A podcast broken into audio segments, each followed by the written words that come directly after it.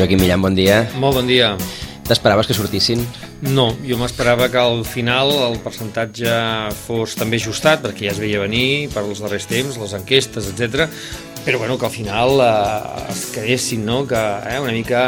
Ara farem la frase, la frase, que s'imposés el, el sentit comú. Ho anava a dir, ho anava a dir, però clar, llavors això també depèn com tu miris, pot ser que el sentit comú per un sí una cosa i per uns altres una altra, no? Per tant, ni, ni aquest, aquests parell de segons que m'has vist que estava buscant què dir, uh -huh. era per no dir aquesta frase que realment doncs, tu ja m'has posat aquí amb safata, no? De dir, bueno, que s'imposés el seny, no?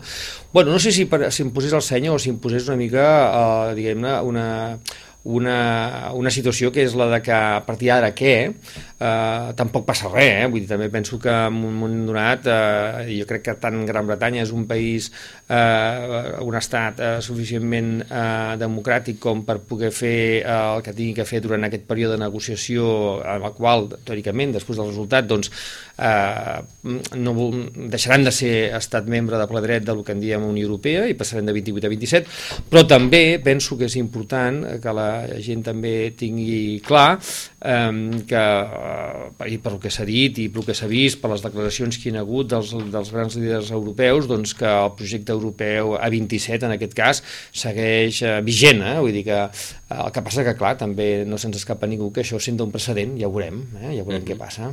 Per tant, doncs, eh, ara una miqueta ja, ja ho hem pogut pair un amic. Eh, de fet, eh, va ser doncs una, una immensa, no, no diré una immensa sorpresa, perquè doncs ja, ja ens havien començat a preparar, però com també ens estaven preparant de dir no, no, és que les enquestes estan girant i ara, ara sembla que la cosa eh, anirà més tranquil·la.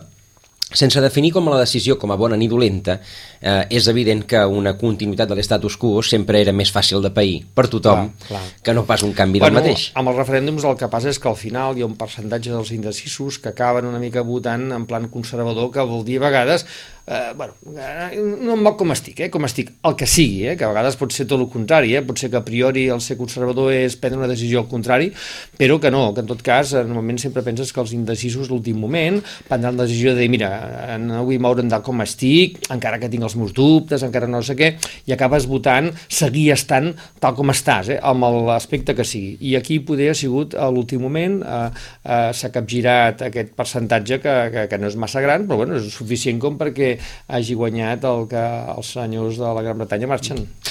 Doncs saludem en aquest punt de la conversa el senyor Francesc Gambús, eh, eurodiputat eh, al, això, al Parlament Europeu. Senyor Gambús, bon dia.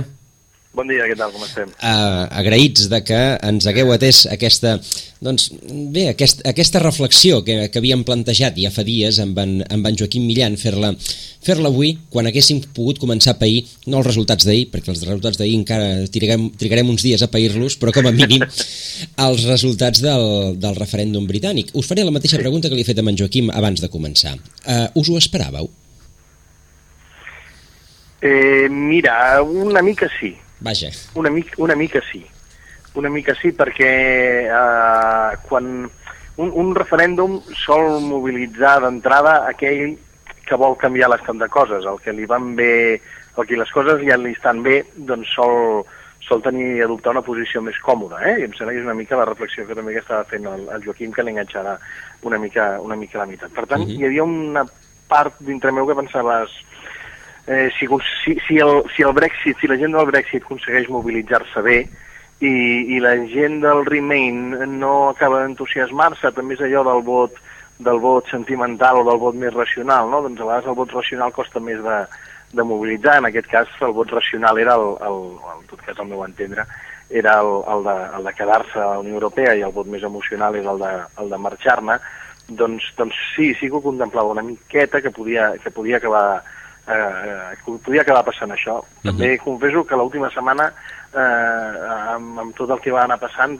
creia que, que aquesta part més, més, més còmoda de l'electorat doncs, doncs faria el pas de, que al final sembla que no, que no ha fet. No? De, fet, de fet, això ens va passar a tots, eh? això de la, de la darrera setmana, que les enquestes sí. semblava que donaven la volta i et, llavors per, tot, per tots va ser una gran sorpresa de dir, ostres, no havien donat la volta les enquestes, però bé, sí, sí. Um, a, a, el que ens plantegeu, de tota manera, planteja també un interessant paradoxa. Uh, el vot doncs, uh, de quedar-se, segons ens han dit, era el vot dels joves, i el vot d'anar-se'n era el vot dels grans al revés del que plantejaria, diguem, la, la manera més, eh, més normal de pensar, que és que els, que els que són més grans serien els que preferirien mantenir un, estat, un status quo i no ficar-se en aventures, i els més joves els que, els que serien més aixalabrats. Cert, cert, però també és veritat que els més joves són el, el, el que jo anomeno, i, i no només jo, eh, sinó jo crec que sociològicament és un terme establert, la generació Erasmus, uh Mhm. -huh. i són aquells que comencen a tenir un punt d'identitat compartida entre la pròpia i l'europea. I, I, per tant, eh, el, el fet de deixar de formar part de la Unió Europea els hi suposa un trencament, un trencament contra natura mentre que la població de, de més edat aquest punt d'identitat europea no, no el té ni l'ha tingut mai i té una identitat eh, britànica molt, molt, molt insular i molt, i molt marcada. Van... Hola? Hola, Sí, sí, sí, sí, sí. us escoltem. Sí, sí, perdoneu. I, i davant, i davant el, el, el, el repte i, i la campanya del Brexit, que ha estat, diguem-ne, molt sustentada en, una, en, una, eh, en un reclam identitari britànic, eh? Mhm. doncs doncs s'han vist més interpel·lats, no? Uh, eh, no sé si heu estat a Brussel·les des de, des de dijous. I vaig, i vaig ara, d'aquí una estona. D'acord, és a dir, no, no heu estat encara directament, directament allà, és un cap de, ha estat un cap de setmana de pont, entenem que heu estat per aquí. Efectivament. Per tant, per tant ho heu vist des d'aquí, de, des no, és que us anàvem a preguntar a veure com es respira per allà. Però, bueno, però eh, us he parlat amb gent, eh, però no, no, no, no hi he estat No, encara. doncs, no hi he doncs estat a, encara. a, partir, a partir del coneixement, perquè a més a més sou una persona amb llarga trajectòria de coneixement de les institucions europees, eh, eh, com, com s'ho han pres? Com, com, com ho han viscut això des d'allà? Que és la primera vegada que algú els hi diu que no els vol a casa seva. Hi ha, hi ha un, un...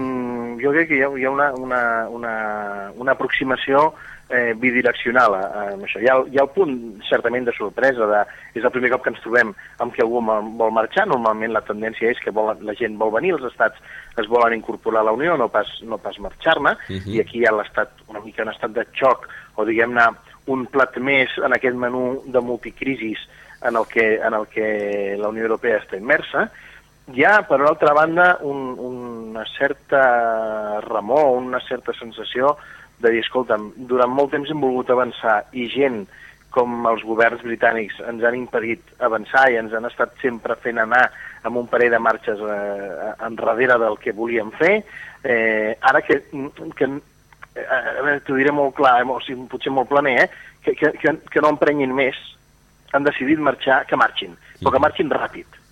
És a dir, que ara això no, no es converteixi en, en una retaïla de, de, d'etapes de que si ara no us ho notifico, ara ja us ho notificaré, i ara ja obrirem unes negociacions que ja veurem si s'allarguen perquè potser el que volem és renegociar la nostra estada i potser fem un altre referèndum. Escolta, no, eh, legítimament és la seva decisió, han volgut marxar, mm, ara fem-ho fem, el més de pressa, el més net, el, el més ben fet possible, però que els que ens quedem puguem mm, posar-nos d'acord en, en, en, en quina Unió Europea volem a curt, mig i llarg termini i, i puguem executar aquest pla a curt, mig i llarg termini, sapient que, que els que hi eren més a remolc doncs han decidit no ser-hi.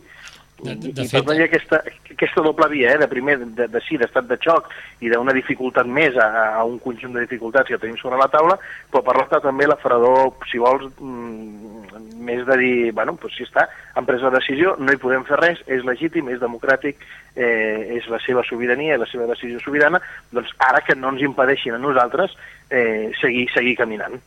De fet, en la declaració conjunta dels presidents de les institucions europees ja es deia, no?, en la seva declaració deia ara esperem que el Regne Unit faci efectiva aquesta decisió del poble britànic Clar. tan aviat com sigui possible, Sigui possible, tot i que es tracta d'un procés dolorós. I acaba dient, eh, pel que fa al Regne Unit, esperem tenir-lo com un soci proper a la Unió Europea en el futur, no? Vull dir que, bàsicament, a, a, a, Sí. el que estava dient ara el, el senyor Gambús, no? Vull dir, clarament així, no? És que, de fet, eh, un, un, un personatge tan britànic com Winston Churchill, que sempre l'hem associat a, al, també al procés de creació, de creació del projecte europeu eh, i al Congrés de l'Haia de l'any 48, eh, aquell, aquell discurs en el que reclama uns Estats Units a Europa. Però Winston Churchill sempre parlava des de la posició insular referint-se a l'Europa continental. Ell volia, ell creia que era bo que hi haguessin uns Estats Units a Europa a l'Europa continent, sense el Regne Unit. Eh, I per tant aquí hi ha un punt certament d'empatia de, de, amb els europeus continentals crec que això és el que es convindria, estic parlant situat a l'any 48, eh? Uh -huh. i mm, el Regne Unit, un soci preferencial d'això, ho impulsem, ajudem a impulsar-ho, però no en volem formar part, eh? i de fet mm, el Regne Unit no en va formar part fins entrats als anys 70, mm, és a dir, s'ho està mirant durant, durant molt temps, i segurament hi va entrar en termes de mercat comú i no pas de projecte de projecte d'Europa de, federal, eh? I, i segurament és el que ens trobem ara, eh? que, que en el moment en què comencem a aplicar o es comença a parlar cada cop que hi ha una crisi de més polítiques comuns és quan mm, doncs, un país com, la, com el Regne Unit, eh, que, que, que, que, que bàsicament el que li interessava de la Unió Europea era el mercat comú, diu, escolta, doncs, doncs potser puc tenir el mercat comú sense formar part de tot això, sense que m'obliguin a fer segons, segons, segons què, no? Jo dic legítim, però fem-ho fem, de pressa. A part de la declaració dels presidents, eh, jo crec que també és de destacar la declaració dels ministres d'Exteriors dels sis països fundadors de, de la Unió i, i, i m'agradaria posar en valor que, que el ministre d'Afers Exteriors holandès doncs, també hi hagi estat, eh? perquè sí, Holanda sí. també és un país que a vegades dius allà i ara en quina situació estan, però en aquest moment han volgut ser-hi, eh? de forma decidida i fer una declaració en la que se li demana al Regne Unit més o menys el mateix. Escolta, nosaltres volem seguir endavant, eh, molt legítima la decisió que heu pres, eh, però, però, però ara fem-nos la vida fàcil tots dintre de la, de la complexitat en la que estem immersos. De fet, a Holanda semblava que eh, es deia que possiblement també estaria sobre la seva agenda diguem interna la possibilitat de, de també d'un referèndum a l'estil eh, britànic, no? Això es deia, no? Però no se sap molt bé, no? O encara bueno, aquest tema dit, està... Però, però a mi em sembla destacable segurament el govern eh, no, no, està, no, no, no, no, té un, no té un primer ministre, no té un president de, del, del govern eh, tan, tan, tan, tan superficial com en Cameron i per tant no anirà a convocar aquest referèndum. És veritat que la societat eh, holandesa, ja ho hem vist amb el cas de, de l'acord de, de comercial amb, amb Ucraïna, doncs home, està una mica refractària segons, a segons quina, qui, qui, quins camins la Unió Europea doncs, voldria, voldria, voldria prendre, però, però em sembla important i destacable que el ministre d'Afers Exteriors holandès i per tant que el govern holandès hagi volgut estar en aquesta declaració dels sis països fundadors sense matisos, ser-hi, i que se'l vegi. Eh, em sembla que és important. També per això, eh, perquè, perquè hi havia el rum-rum, o hi ha el rum-rum, sí, sí. de, de que la societat holandesa doncs, ha canviat bastant i que, per tant, bueno, pues que, que el projecte europeu es veu, altra, es veu ara d'una altra manera. Per tant, senyor Gambús, ara tindríem sobre la taula tres melons una miqueta per obrir. El, el primer seria el procediment de, de marxa, una cosa que no ha passat mai i que la Unió Europea vol que vagi doncs ràpid, un cop que hem pres la decisió prenem-la i, i fem-ho bé, tallem, tallem pel, pel sec, una altra cosa és que els britànics estiguin d'acord en, en aquests ritmes. El segon meló, que també ara s'ha apuntat, la qüestió de que altres països, fins i tot alguns fundadors com França o, o Holanda, doncs, eh, puguin plantejar a partir d'opcions extremistes també trencar la Unió des de dins i el tercer meló, que no no n'hem fet referència encara a la conversa, la situació que queda a Escòcia, on va guanyar el, el, el Remain i en canvi eh, doncs, eh, van votar en contra de, de, de separar-se del Regne Unit precisament amb una de les opcions que era eh, quedar-se dintre de la Unió Europea. Aleshores, la primera ministra escocesa, doncs, amb una certa habilitat política, ha plantejat, escolti'm, si vam votar això, doncs ara, ara què ens han de dir els senyors de Brussel·les? Eh, que, quedarien aquests tres melons, no?, com eh, sí, sí. a la partida. Efectivament, efectivament, però eh, eh, els senyors de Brussel·les en això, i, i a mi em perdonarà la primera ministra d'Escòcia, i tenen poc a dir. Les, el poble escocès va decidir quedar-s'hi uh mhm. -huh. al Regne Unit i, i que hi hauria un referèndum sobre la permanència del Regne Unit a, a la Unió Europea, això ja se sabia. I malgrat això van decidir quedar-s'hi. Va ser la seva decisió. No va ser una decisió de Brussel·les el que, el que Escòcia s'hi quedés. Va ser una decisió del poble escocès eh, jo crec que tenen tota la legitimitat del món, veient el resultat del referèndum de, de dijous, de demanar un segon referèndum eh, a Escòcia i decidir independitzar-se del Regne Unit. I els britànics ja li demanaran explicacions a, al primer ministre Cameron o en el seu moment a l'exprimer ministre Cameron per haver portat al Regne Unit a, a aquest encreuament de camins, en el, que, en el que no només divideix la societat britànica pel mig, no només posa a, en escac a la Unió Europea no només treu el Regne Unit de la Unió Europea, sinó que a més a més posa en escac la, la cohesió interna del Regne Unit amb, amb les diferents nacions que el que volen ara eh, eh, és fer prevaldre l'opinió de la seva ciutadania en el, en el referèndum de dijous. Eh, pla- Tot això, algun dia la història li haurà de reclamar explicacions a, a, a en Cameron. Pla plantejat Per tant- així, supera, supera el senyor de ser primer ministre, eh? Perdó? Eh, anava a dir, pla plantejat d'aquesta manera, com, com ens ho acabeu de fer, amb aquesta cruesa, eh, supera Sí. el protagonista de la sèrie aquella britànica de la BBC dels anys 80, de, del Sí Ministre, oi? sí, sí, efectivament. Perquè amb una decisió tu, tu carregues tot. Efectivament, efectivament, i és així. I, i, i aquí potser entre, podríem entrar en una altra reflexió sobre el referèndum. Jo he sentit Ahà. algun, alguna declaració aquests dies um, dient allò tan, tan, tan bàrbar de que és que els referèndums els carrega el diable. Jo no, no estic d'acord, el referèndum al final és la, la eina eh, més pura d'expressió democràtica de, de, de l'opinió de la ciutadania. El que segurament, precisament per això, eh, un referèndum hauria de ser amb vot obligatori ha de, poder, ha, de, ha de votar tothom. I qui no estigui d'acord o no sàpiga què contestar doncs, doncs l'opció del vot en blanc sempre, sempre hi és.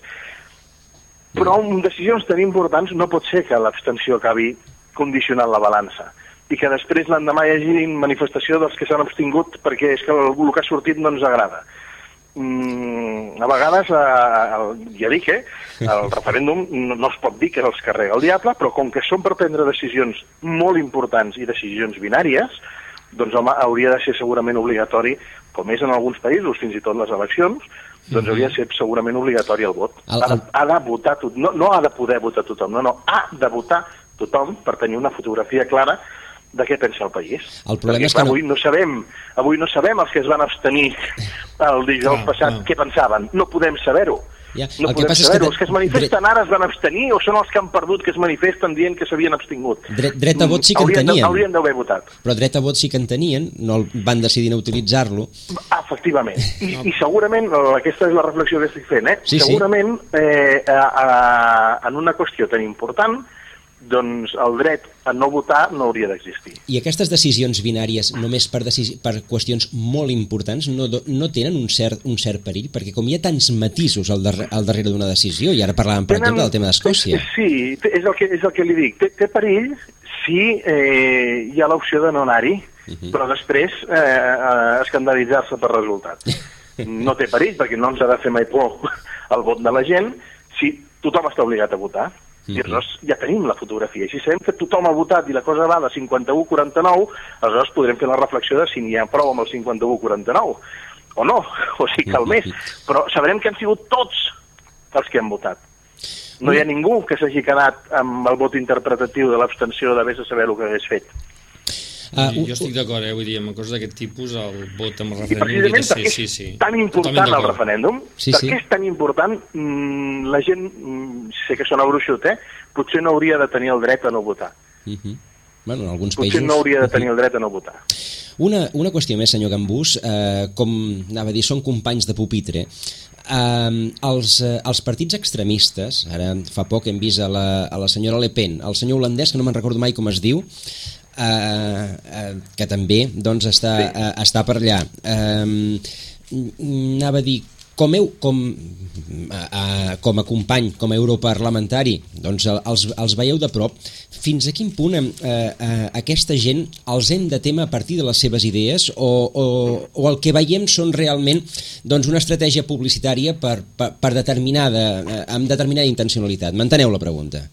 Del tot. Deixa, deixa'm aclarir això del company de Pupitre perquè ho entengui tothom, que t'estàs referint a que compartim l'aula gran del Parlament Correcte, Europeu. perquè aquest és el no pas, Pupitre. no pas família política ni grup parlamentari. Absolutament, absolutament. Us, us accepto el per matís. aclar- Per aclarir-ho.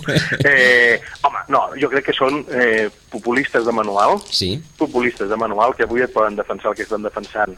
I demà passat tot el contrari, si amb això arrosseguen voluntats populars, no tenen cap mena de, de projecte ni d'ideologia ni de model de societat més enllà de l'exercici del poder.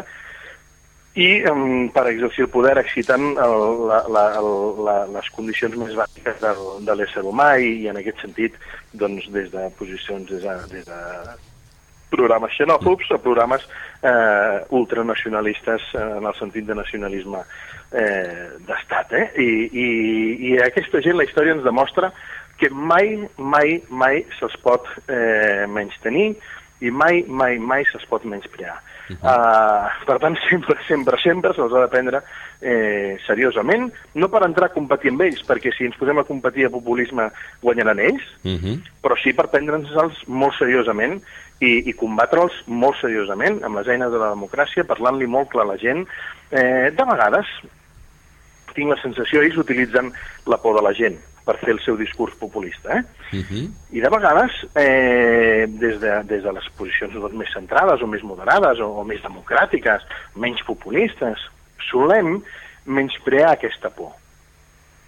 I la por de la gent és molt legítima. I mai hauríem de menysprear la por de la gent. La pots combatre, la pots combatre amb molta pedagogia, l'hem de combatre explicant molt bé les coses, l'hem de combatre mm, procurant que aquesta por doncs, es dilueixi, però no podem menys tenir la por de la gent, perquè si menys tenim i menys preuem la por de la gent, que és una cosa molt subjectiva, molt a dintre, estem empenyent a la gent en braços dels populistes que utilitzen aquesta por precisament per arrossegar-los cap a les seves posicions. Uh -huh. Deixa'm posar una, concretar una mica més. Que la gent tingui por a que l'estranger li prengui la feina o a que un refugiat li pugui prendre la feina, aquesta por home, l'hem de combatre explicant que la gent que marxa d'aquests països no marxen per prendre'ns la feina a nosaltres, marxen per, per salvar la seva vida.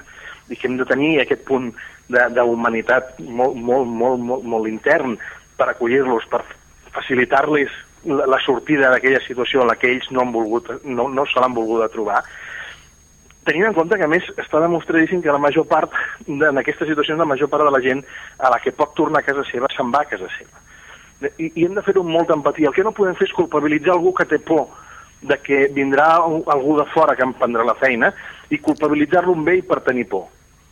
Perquè si el culpabilitzem amb ell per tenir por, i al costat, ja, al costat nostre hi ha algú que està dient tens tota la raó en tenir por perquè ens prendran la feina, perquè no hi ha dret... Al final, aquesta gent que té por cau en braços dels populistes. Mm -hmm. I la por és molt legítima. Per tant, que no per... vol dir que tinguis raó per tenir por, eh? Per... Ojo. Per tant, en aquest referèndum probablement s'ha juntat eh, un vot de la por, òbviament, i també un vot d'una certa resposta contra doncs, una manera de funcionar de la Unió que a una part del poble britànic, com el nostre també, no agrada. No agrada. Com... Efectivament, efectivament. I, I tornem a estar amb el mateix, és un altre exemple. Uh -huh.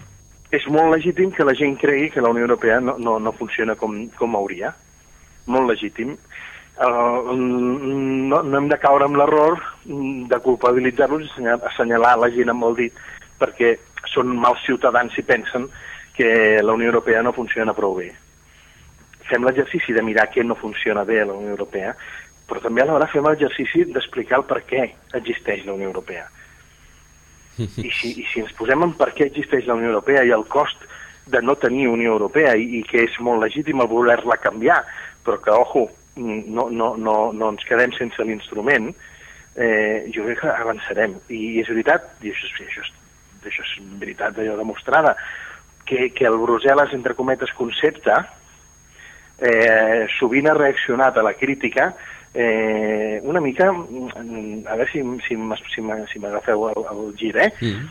una mica com, com reaccionen els nacionalistes quan se'ls critica quan estan governant en el sentit de dir, ah, em critiques la forma de governar, vol dir que m'estàs criticant el país. Dius, no, no, hi ha molta gent que, critic, que et pot criticar eh, eh, com funciones, com governes, però no està criticant el, el país. Hi ha molta gent que pot criticar com la Unió Europea ha crescut els últims 15 o 20 anys, però a la vegada mm, no se senten antieuropeus, a menys que mm, doncs no hi hagi cap, form, cap mena de recepció i de receptivitat a la crítica de com s'està construint la Unió Europea i estiguem fent això, abocar a la gent a posicions eh, antieuropees o aquest comentari que cada cop el sento més de, bueno, al final tampoc és tan important estar dintre o estar fora de la Unió Europea. I és molt important estar dintre de la Unió Europea. Uh -huh. I és molt important poder, des de dintre de la Unió Europea, expressar què, com volem que sigui la Unió Europea i tenir una visió de què, on volem portar la Unió Europea. I això és una que no hi ha cap governant que et pugui avui respondre, no hi ha cap primer ministre que et pugui avui respondre quina visió té de la Unió Europea. Estem eh, obsessionats i estem tancats en el bucle de la gestió de les coses diàries, que, que és una autopista al final per la burocràcia i és una autopista al final per portar-nos a, a, a un lloc sense sortida, un carreró sense sortida. I de ben segur eh, no hi haurà resposta, no hi haurà solució en els propers mesos, haurem d'esperar temps per, per veure quina, en, com sortim d'aquest multiatzucac en el que ens trobem. Efectivament, efectivament, no, no, no, no hi ha decisió d'avui per demà, però sí que podríem començar des de, començant des del Parlament, que al final al final podem parlar molt, però dir, bueno, però tu què pots fer? Doncs comencem cadascú des del seu lloc a, a assumir la crítica eh, que, que se'ns fa com a responsables públics i com a responsables polítics, assumir la crítica a intentant posar-li un punt d'empatia a la persona que t'està criticant el funcionament d'allò que, del que tu ets responsable i ara fins a quin punt hi ha un punt de raó que puguis acceptar. A vegades aqu aquesta obsessió de, de la política en què si algú critica el que jo estic fent és algú contrari a mi i per tant no li puc donar mai la raó encara que jo interiorment pensi que el que m'està dient té raó, home, això ens porta altre cop a, a la plaça del populisme en la que doncs, tothom se sent que quan, quan algú se sent que el que, que, el que legítimament pensa doncs, és rebutjat i menyspreat eh, constantment, doncs al final acaba en braços d'aquells que només tenen retòrica i només tenen paraules. No? Uh mhm. -huh. Doncs, uh, Francesc Gambús, uh, us deixem, heu de volar des de la de Barcelona cap a la plujosa Brussel·les, i avui més segur, plujosa segur que mai, que oi? doncs us desitgem un, un bon viatge i us agraïm sobretot aquesta uh, estona en la que heu compartit aquest referèndum, aquest, no aquest referèndum, sinó aquesta, aquesta reflexió sobre, sobre el Brexit. Us saluda en Joaquim. Molt bé, Francesc, fins la propera. Molt bé, Joaquim. Vinga, fins la propera. Gràcies i fins la propera. Vinga, adéu. adéu.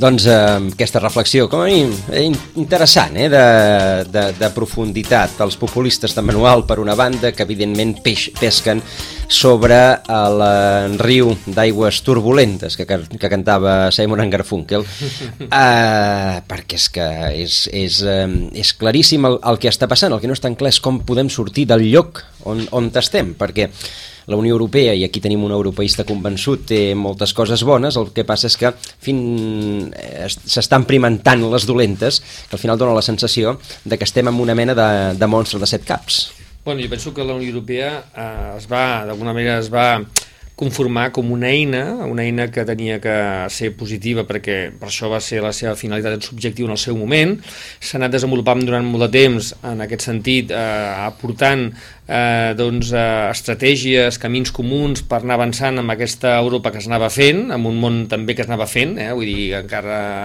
és tot recent el tema de la globalització, quin paper té Europa o la Unió Europea al món, etc.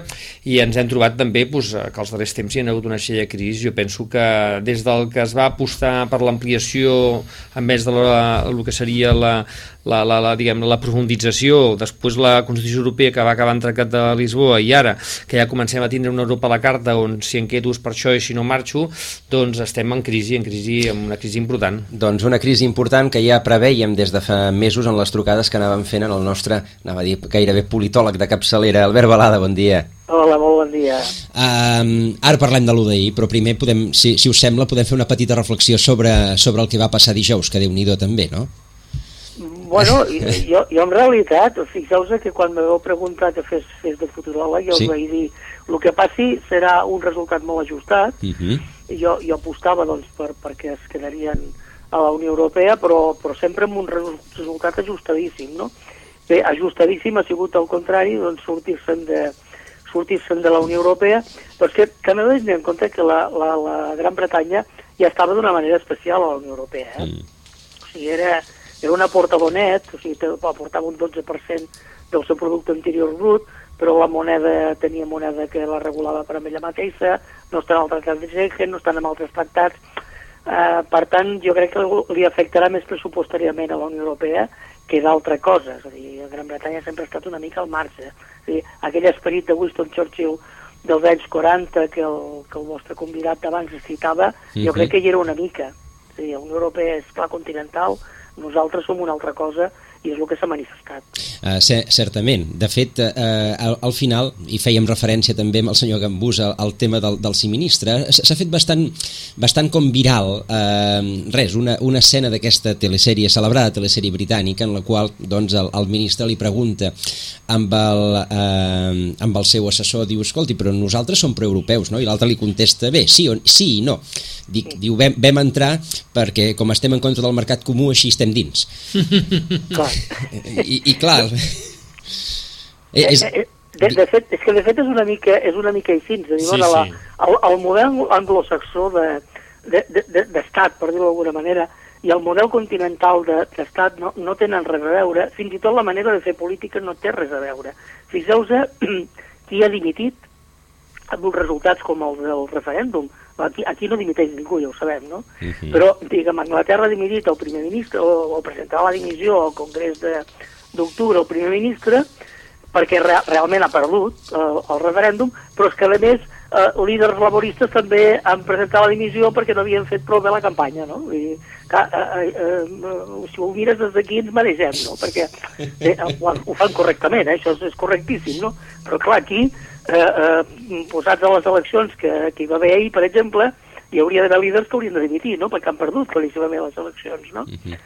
Eh, això és impensable. Eh, per tant, són diferents. Eh, pensen de manera diferent, jo crec que millor que nosaltres pensen de manera millor, però aquí no els entenem. Bueno, les van perdre al desembre, els han donat l'opció d'anar al setembre, que és a dia juny, i a sobre, sí. vull dir, no demiteix ningú, eh? És a dir, quan hem tingut que anar, el que deia un mig en broma, mig en sèrio, aquesta vegada hem tingut que anar a segona volta, no perquè els alumnes haguem suspès, sinó perquè han suspès els professors, i tampoc ningú aquí dels professors eh, ha dimitit, no?, ha presentat la dimissió. Ah, ah, jo, jo et voldria fer un, un matís, Joaquim. Eh, això de la segona volta, que ha sortit molt als mitjans, eh, no és cert. És a dir, el nostre sistema no té segona volta. El nostre sistema ha tingut que repetir les eleccions perquè han sigut incapaços de formar govern. Per tant, eh, aquí hi ha una responsabilitat política molt important. Eh? O sigui, la, sí, segona sí. volta, la segona volta és un sistema que, que elimina partits en la primera volta perquè es concentri a la segona volta amb uh, un o dos, un no, o sigui, dos o tres partits com a, com a molt, no? és a dir, per, per eliminar adversaris i fer coalicions electorals que els hi han de donar suport als propis ciutadans. De fet, indirecte, cas... indirectament sí que ha passat una miqueta això, perquè... El, no, no, no, no, no, no, no, no, no, no, perdoneu-me que estigui totalment en contra. Aquí el que ha passat és que hi ha hagut una irresponsabilitat per part dels polítics que han sigut incapaços de posar-se d'acord per formar govern.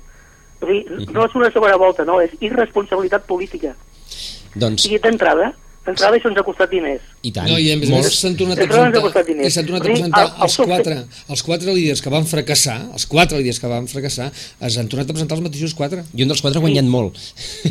No, per, això, per això us dic, és dir, eh, eh, eh, ho podem presentar com una segona volta i, uh -huh. i, i endolcirem, però no és veritat. Uh -huh. Això no és una segona volta, és més, eh, fins i tot, eh, digui, a veure, no m'agrada utilitzar l'expressió, però això no deixa de ser corrupció perquè ens hem gastat uns diners que ho caldrien. Enteneu? Sí, sí, sí. Perquè ara, el resultat, quin ha sigut el resultat aquí? Ha sigut pràcticament el mateix. Hi ha, hi ha hagut una petita variació, cinc escons a baix del, del PSOE, perdó que me'n vaig d'Europa aquí, eh? però és perquè, perquè entenem una mica com, a, com ells fan una manera i nosaltres d'una altra, no?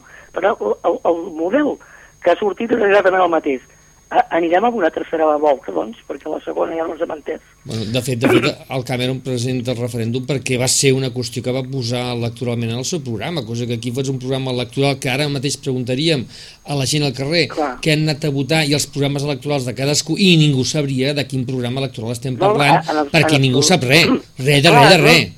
No, no, no, exacte. I, és el vot de la incultura política en aquests moments però, tenim però, en aquest país. Però fixa't, fixa't a més la congruència, dir, escolta'm, jo, jo eh, l'he tingut que presentar aquest referèndum. Resulta que la meva posició és contrària a la que jo vaig dir dintre del programa electoral eh, perquè, perquè canviava la meva tessitura, perquè he agafat uns acords amb la Unió Europea que m'ha acceptat aquelles premisses que jo li presentava i per tant he de defensar una postura diferent i com que he perdut aquesta postura diferent jo me n'he d'anar perquè diguem, he perdut el suport electoral amb una cosa tan important com aquesta. Bé, eh, jo crec que això els, els honora moltíssim, és a dir, el nivell de la política eh, britànica, que jo, jo l'estendria al nivell anglosaxó, no? perquè és, és una fórmula molt anglosaxona aquesta, eh, és allò de dir, mira, on s'ha de demanar perquè jo vull ser britànic, no? Eh, sí, dir, de fet, sí. però ningú dubtàvem, el, eh, quan, quan es va anunciar la compareixença de David Cameron el, di, el divendres a les 9 del matí, ningú dubtàvem que una de les coses que diria seria aquesta, que plegava. No,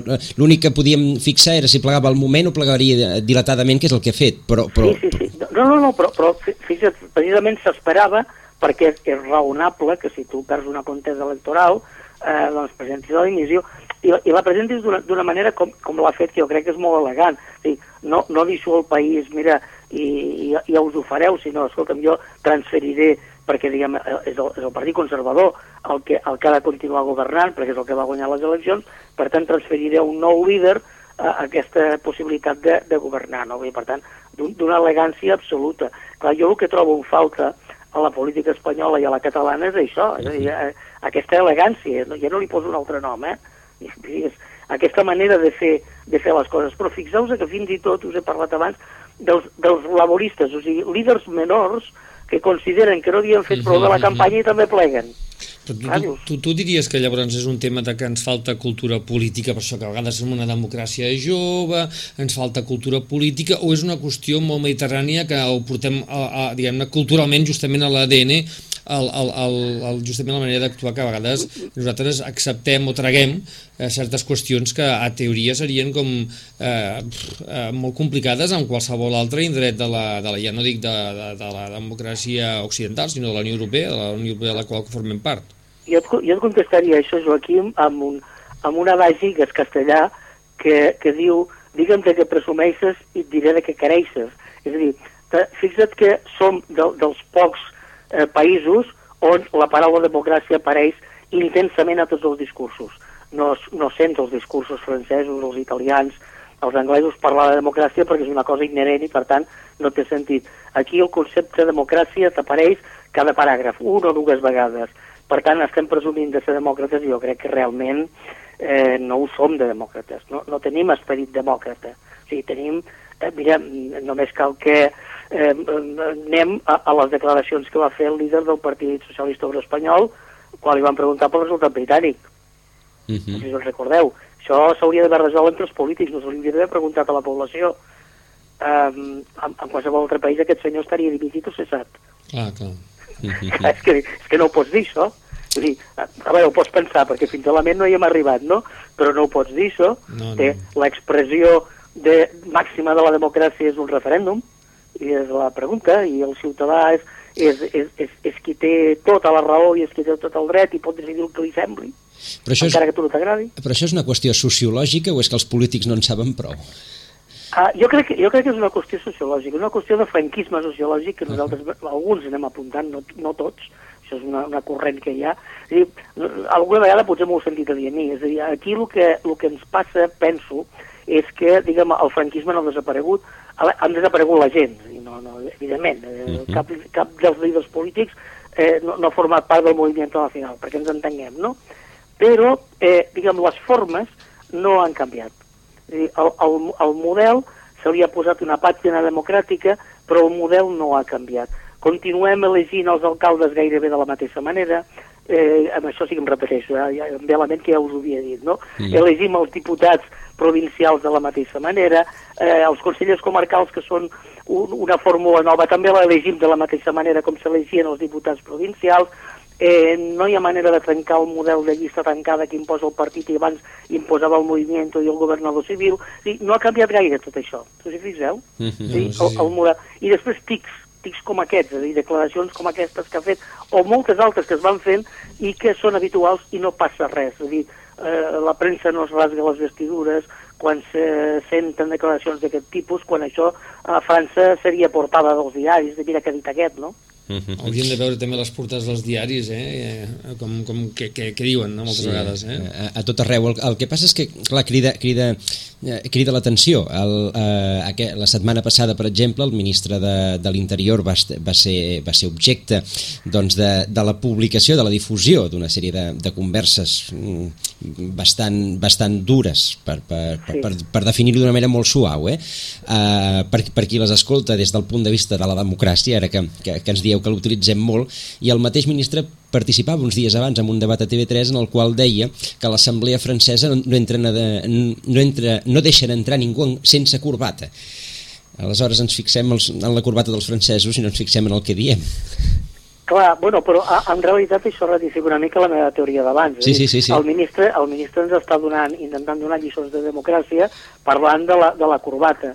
És a dir, a veure, això són, són tics que tenen cada cambra, eh, que em sem pot semblar bé o malament, però no, no estem parlant, o sigui, democràcia no és això. No és portar corbata. Estem, no estem parlant de la corbata. Eh, M'has de parlar de quin és el sistema de, de presentació de, de les lleis a l'Assemblea Nacional Francesa, de quin és el sistema de debat, de debat si, eh, eh, contràriament a el que fem nosaltres aquí, és el govern el que legisla o és l'Assemblea Nacional el que legisla, en, en aquest país sempre s'ha legislat via decret llei, sempre. Mm -hmm. És a dir, per què? Eh, doncs perquè tot i que és un, una mesura d'urgència, en aquest país, a Montesquieu fa molts anys que el vam matar i el vam enterrar, i, i, i, i qui fa les lleis són els governs, i això no, son, no són estrany, sí, és el, el govern qui presenta la llei. dir, Bé, la pot... doncs... I la pota del jutge se'ns va quedar també perduda pel camí. Sí, però, però fixeu-vos fixeu que, és, que, és, que és, és algo que és habitual, de home, pues sí, que governi, que, que faci lleis el govern, no, és que el govern no ha de fer lleis, ha de fer el Parlament. El... que... Albert, no tenim, no tenim temps, eh, temps bueno. per més. Eh, en qualsevol cas, eh, deixarem per després de l'estiu les reflexions al voltant del que suposa eh, o suposarà ara la negociació de la sortida dels britànics. Bueno, uh, home, uh, són, són gairebé dos anys eh, de negociació, vull dir, tampoc serà una sortida immediata. Doncs... Uh, tenim temps. Albert Balada, moltíssimes gràcies per haver-nos eh, atès i aquesta reflexió d'urgència. Us saludem Gràcies, aquí. fins la propera, Albert. Una fins abraçada. I a tots vostès també ho deixem eh, aquí, aquesta hora d'Europa especial, al voltant del, del Brexit, del referèndum britànic i també una miqueta parlant de les eleccions d'ahir. Joaquim, bon estiu. Bon estiu. Ens retrobem passat, eh, passat l'estiu. Fins setembre. Amb aquesta hora d'Europa. I a tots vostès, 5 minuts, notícies al xarxa i després més coses. Fins ara.